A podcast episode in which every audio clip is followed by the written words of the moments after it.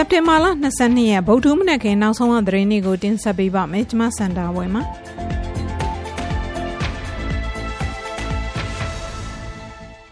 ကုလသမဂ္ဂအတွင်းရေးမှူးချုပ်အန်တိုနီယိုဂူတရက်ရှာအထွေထွေညီလာခံမိန့်ခွန်းမှာမြန်မာအရေးထည့်သွင်းပြောကြားခဲ့ပါတယ်ကမ္ဘာတလွှားမှာပြီးခဲ့တဲ့ဖေဖော်ဝါရီကတည်းကမြန်မာနဲ့ဂီနီတို့မှာစစ်တပ်ကအာဏာသိမ်းမှုဖြစ်ခဲ့ပြီးအာဖဂန်နစ္စတန်မှာတော့အနောက်အုပ်စုထောက်ခံတဲ့အစိုးရပြိုလဲက တာလီဘန်တွေအုပ်စိုးခဲ့တယ်လို့သူကဆိုပါတယ်။ဒီလိုလက်နက်နဲ့အာဏာရယူမှုကိုပောက်ကွဲမှုတရက်တပွဲကျွန်တော်တို့မြင်တယ်စစ်တပ်ကအာဏာသိမ်းမှုတွေပြန်ဖြစ်လာတယ်နိုင်ငံတကာအတိုင်းဝိုင်းမှာညီညွတ်မှုမရှိတဲ့အတွက်ဒီလိုအရေးကိစ္စတွေမှာအကူအညီပေးဖို့မဖြေရှင်းနိုင်ဖြစ်နေတယ်လို့သူကထောက်ပြပါတယ်။အမေရိကန်နဲ့တရုတ်ကြားသဘောထားကွဲပြားမှုကြီးထွားလာနေတာကိုသူကသတိပေးလိုက်ပြီးတွေးဆုံဆွေးနွေးဖို့သူကတိုက်တွန်းလိုက်ပါတယ်။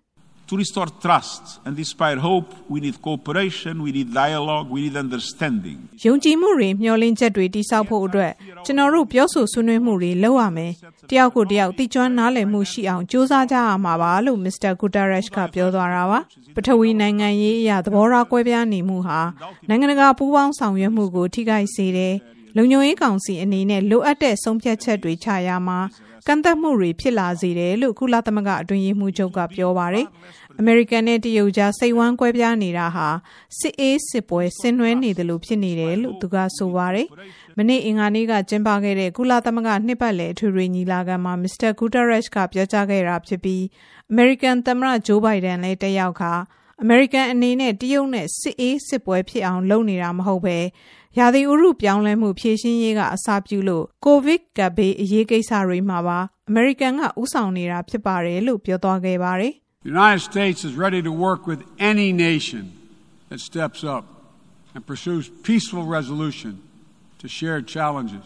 အမေရိကန်ဟာဘယ်နိုင်ငံနဲ့မဆိုအတူအလုပ်လုပ်သွားဖို့အသင့်ပါတခြားနေရာတွေမှာပြင်းပြင်းထန်ထန်သဘောထားကွဲပြားမှုရှိရင်တော့ငြိမ်းချမ်းရေးကိစ္စကအစပြုလို့စိန်ခေါ်မှုတွေကိုအတူဖြေရှင်းမှုအသင့်ပါလက်ရှိကြုံနေရတဲ့ COVID-19 ရာသီဥတုပြောင်းလဲမှုနဲ့နျူကလ িয়ার လက်နက်ဖျက်သိမ်းရေးကိစ္စတွေမှာအတူတကွမဖြေရှင်းရင် ကျွန်တော်တို့အားလုံးနောက်ဆက်တွဲဆိုးကျိုးတွေခံစားရလိမ့်မယ်လို့မစ္စတာဘိုင်ဒန်ကပြောသွားခဲ့တာပါ86ကြိမ်မြောက်ကုလသမဂ္ဂအထွေထွေညီလာခံကိုအမေရိကန်ပြည်ထောင်စုနယူးယောက်မြို့ကကုလသမဂ္ဂရုံးချုပ်မှာကျင်းပနေရမှာတရုတ်သမ္မတရှီကျင်းပြင်လည်းအွန်လိုင်းပေါ်ကတဆင့်မိန့်ခွန်းပြောကြားခဲ့ပါတယ်။သူအဆိုအရနှစ်ဖက်အကျိုးစီးပွားကိုလေးစားလိုက်နာမှုအပေါ်အခြေခံပြီးစစ်မှန်တဲ့နိုင်ငံပေါင်းစုံပါဝင်နိုင်မှုကိုဖန်တီးကြဖို့တရုတ်သမ္မတကပန်ကြားလိုက်ပါတယ်။ ရာသီဥတုပြောင်းလဲမှုတိုက်ဖျက်ရေးနဲ့ပတ်သက်လို့တရုတ်ဟာပြည်ပမှာကြောင်မီးသွေးစက်ယုံသစ်တွေတိစောက်တော့မှာမဟုတ်ဘူးလို့ကြီးညာလိုက်ပါတယ်။ဒီကိစ္စကိုရာသီဥတုဆိုင်ရာအမေရိကန်အထူးတန်တမန်ဂျွန်ကယ်ရီတရုတ်နိုင်ငံကိုလာရောက်တုန်းကဂရီပေးခဲ့ပြီးဖြစ်တယ်လို့လည်းသူကဆိုပါတယ်။တရုတ်နိုင်ငံဟာသဘာဝပတ်ဝန်းကျင်ညဉ့်ညမ်းမှုဖြစ်စေတဲ့ကြောင်မီးသွေးစက်ယုံတွေကိုဖွံ့ဖြိုးဆဲနိုင်ငံတွေမှာလိုက်လံတိစောက်တဲ့နိုင်ငံတစ်ခုဖြစ်ပါတယ်။ အဲ့ဒီနည်းပညာတွေကိုတရုတ်နိုင်ငံအတွင်းမှာတော့ဆက်လက်သုံးစွဲနေတာဟာကာဗွန်ဒိုင်အောက်ဆိုက်ထုတ်လွှတ်မှုကိုအကြီးအကျယ်တွန်းအားပေးသလိုဖြစ်စေတယ်လို့လေးလာသုံးသပ်သူတွေကပြောပါတယ်မြန်မာသတင်းတွေကိုဆက်ရရင်ပြီးခဲ့တဲ့မေလကလေးကစစ်ကောင်စီတပ်တွေဝင်ရောက်စီးနင်းခံထားရတဲ့ချင်းပြည်နယ်မှာ စက်တင်ဘာ18ရက်နေ့ကထန်တလန်မြို့နယ်အတွင်းနေအိမ်တွေမီးလောင်ပြီးခရီးယန်သင်းအုပ်ဆရာကျုံပြဟုံးအသက်ခံရတာနဲ့ပတ်သက်လို့ကချင်နှစ်ချင်းခရီးယန်အဖွဲ့ချုပ် KBC ကဝမ်းနေကြောင်းကြေညာချက်တစ်စောင်တမြန်နေ့ကထုတ်ပြန်ခဲ့ပါတယ်။ထုတ်ပြန်ရတဲ့အကြောင်းရင်းနဲ့ပတ်သက်လို့ကချင်နှစ်ချင်းခရီးယန်အဖွဲ့ချုပ်ဥက္ကဋ္ဌဒေါက်တာခလန်ဆန်းစွမ်းက ချင်းနှစ်ချင်းခရစ်ယာန်အဖွဲ့ချုပ်ထန်တလန်ရာသီနှစ်ချင်းတင်တော်ကဆရာဆုံးသွားတဲ့ကိစ္စနဲ့ကျွန်တော်တို့ထပ်တူထပ်မြတ်ဝမ်းနေကြောင်းထုတ်ပြန်ရတာကမြန်မာနိုင်ငံနှစ်ချင်းခရစ်ယာန်တင်ချုပ်မှာဒီချင်းနှစ်ချင်းခရစ်ယာန်အဖွဲ့ချုပ်ကအဖွဲ့ဝင်တစ်ပါးဖြစ်တယ်လို့ကျွန်တော်တို့ KBC ကလည်းအဖွဲ့ဝင်တစ်ပါးဖြစ်တာပေါ့ဆိုတော့ကျွန်တော်တို့ကဒီလိုဖြစ်နေတဲ့အချိန်မှာထပ်တူထပ်မြတ်ဝမ်းနေကြောင်းအဲ့ဒီမျိုးလုပ်ရတဲ့ကိုကန့်ကွက်ရှုတ်ချကြောင်းထုတ်ဖော်ရခြင်းဖြစ်ပါတယ် ကျွန်တော်တို့ ဒီကချင်ပြည်နယ်ဘက်မှာတော့ အဲ့လိုတက်ခံရတဲ့အချီလောက်တော့ဟိုမရှိဘူး ဒါပေမဲ့ဒီဆွဆွဲခံရတာမျိုးတော့ ရှိခဲ့တယ် ဒါပေမဲ့ နောက်ဆုံးတော့ ပြန်အပြေလေဒီမှာပြီးသွားတဲ့ကိစ္စတွေလည်း ရှိပါတယ် ထန်တလန်မှာတင်းအုပ်စီယာကျုံပြဟုံအသက်ခံခဲ့ရတယ်လို့အာနာသိမ့်မီကလေးက နိုင်ငံတော်ဝန်အသက်ဆုံးရှုံးမှုပေါင်း ထောင်တောင်းချီ ရှိလာနေပါပြီ အခုလို အပြစ်မဲ့ပြည်သူတွေ အသက်ပေးနေရတဲ့အပေါ်ဘလို့သဘောထားအမြင်ရှိပါသလဲလို့ ဒေါက်တာဆန်းဆောင်ကို မေးကြည့်တော့ ကျွန်တော်တို့ကတော့ထန်တနာကဆရာဒီမကောက်ဘူးပေါ့နော်ပမာပြည်ပြည်လုံးမှာရှိတဲ့ လက်နဲ့မကင်တဲ့ လူထုတွေ အခုလို လက်နဲ့ကင်ပြပကကြားမှာ ဖြစ်သွားတဲ့ကိစ္စတိုင်းမှာ ကျွန်တော်တို့ စိတ်မကောင်းပါဘူး ဒါပေမဲ့ ကျွန်တော်တို့က ဘာသာရေးဖွဲ့စည်းဖြစ်နေဆိုတော့ နေရာတိုင်းမှာတိတ်ထုတ်ပြန်ဖို့လည်းမတင်တော်ဘူးပေါ့ ဒါပေမဲ့ အခုလို ကျွန်တော်တို့ဒီခရိယန်ဓမ္မမှုတော်ဆောင် ဖြစ်ပျက်ခဲ့တဲ့ ဒီအဖြစ်ပြက်မှာတော့ဒါကျွန်တော်တို့ဒါမထုတ်လို့ကို မရတော့ဘူးပေါ့ ဆိုတော့ ကျွန်တော်တို့က ဒီလို ထပ်တူထပ်မြတ်ခံစားရတာကတော့ ဒီဆရာတယောက်ရဲ့အပေါ်မှာဒီပဲ မဟုတ်ပါဘူး ဗမာပြည်မှာ ဒီလိုလက်နဲ့မဲ့ ကျွန်တော်တို့ ဆုံးရှုံးခဲ့ရတဲ့ ပြည်သူတွေရဲ့ အားလုံးအပေါ်မှာလည်း ကျွန်တော်တို့ ထပ်တူထပ်မြတ်ဝန်နေမှုတွေကတော့ ရှိခဲ့ပါတယ် အခုလို စစ်ကောင်စီတပ်တွေ ဝင်ရောက်စီးနင်းပြီးနောက် အိမ်အလုံး20မီးလောင်ခဲ့ပြီး လူသေဆုံးမှုရှိလာတဲ့အတွက် ဒေသခံတွေအိုးအိမ်ဆုံးခွာပြေးနေရပါပြီ။ဒီလိုအခြေအနေပေါ်ဘလို့များမှတ်ချက်ပြုကျင်ပါသလဲလို့ဒေါက်တာဆမ်ဆန်ကိုမေးကြည့်တဲ့အခါသူက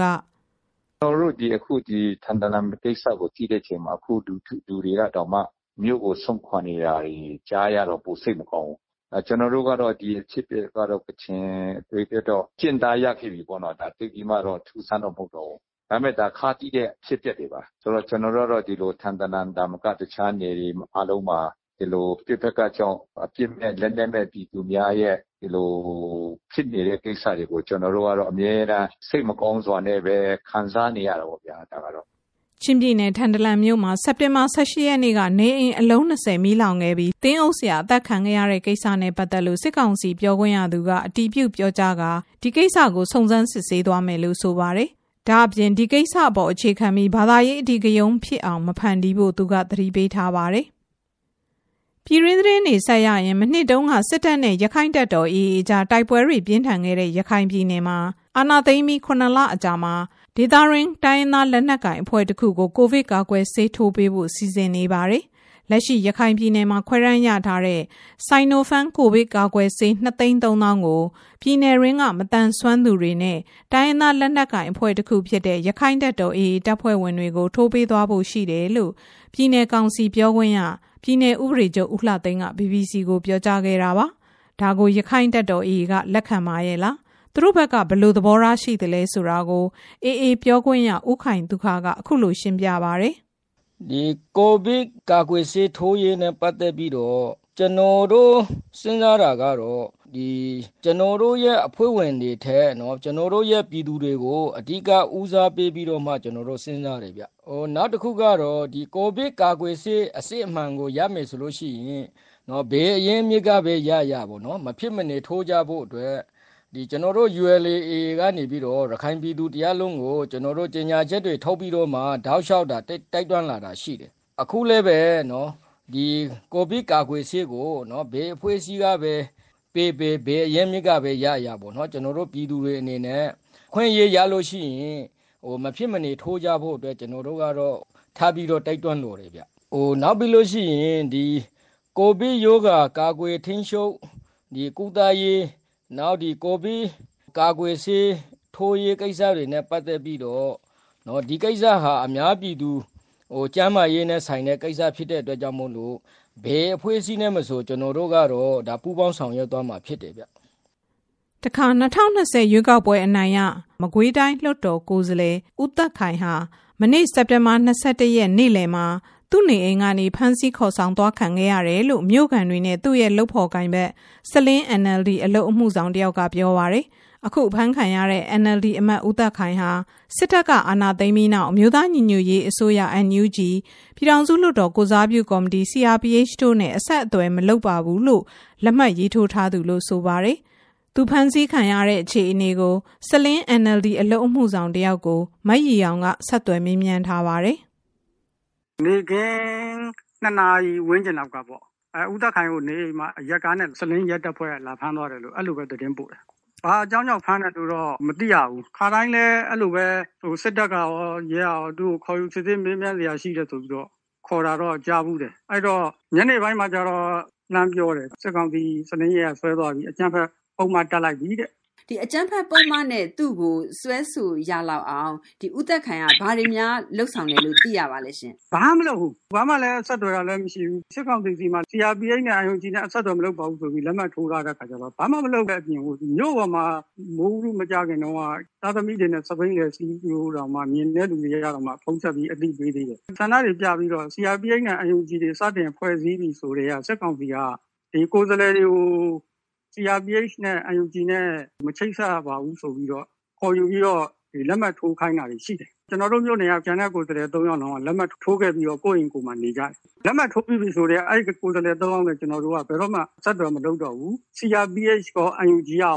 အကုန်လုံးသူတို့ကိုထုတ်နှုတ်လိုက် ကျွန်တော်တို့ကလည်းဟိုလူမှုရေးအပိုင်းတော့ခင်မင်မှုရှိရှိလိမ့်မယ်ဒီလိုဒီအပိုင်းမှာယုံကြည်မှုရှိဆိုပြီးကျွန်တော်တို့ကလည်းအဆက်တော့လုံးဝမလုပ်ပါဘူးနိုင်ငံရေးသမိုင်းမှာသူ့သမိုင်းသူရေးတာပေါ့ဗျာကျွန်တော်တို့ကတော့ကိုယ့်နာမည်ကိုနိုင်ငံရေးသမိုင်းမှာနာမည်အတိမခံနိုင်ဘူးပေါ့ပြောမယ်ဆိုလို့ရှိရင်ဒီလွှတ်တော်တွေအားလုံးအိမ်ပြန်လို့ရပြီဆိုတဲ့က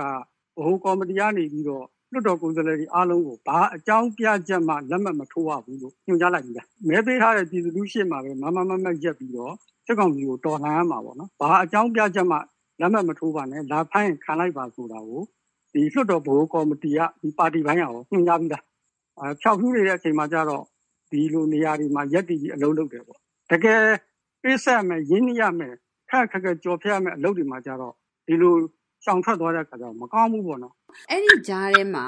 ဒီစစ်ကောင်စီကသူ့ကိုဖမ်းဆီးပြီးတော့အကြမ်းဖက်ပုံမှန်နဲ့ဖမ်းဆီးလိုက်တယ်ဆိုတော့ဘာသဘောတက်ရောက်လဲဘာကြောင့်လို့ထင်ပါလဲအဓိကတော့ဗျာကျွန်တော်တို့ပါတီကိုအဓိကလုံးဝနှိတ်ကိုချင်တဲ့လုံးဝပြသိမ်းချင်တဲ့သဘောမျိုးဥဆောင်တာပဲကြံခဲ့သည်ဖြစ်စေပူပေါင်းသည်ဖြစ်စေမကြံခဲ့သည်ဖြစ်စေမရရတာနဲ့ဆွဲပြီးတော့မဖြစ်ဖြစ်တယ်လို့သူတို့ဖြတ်မဲ့ပုံစံမျိုးနဲ့လုပ်တယ်လို့ကျွန်တော်တို့ထင်တာ မင်းဘူးမှလည်းကိုယ်စားလှယ်တယောက်ရှိတယ်လေလက်မှတ်ထိုးတာသူ့အိမ်ကိုလည်းသွားရှာတယ်ဖမ်းမှုသွားတယ်ဒါပေမဲ့သူကတည်င်းကြိုရလို့ရှောင်တဲ့အတွက်လူတော့မမိသွားလိုက်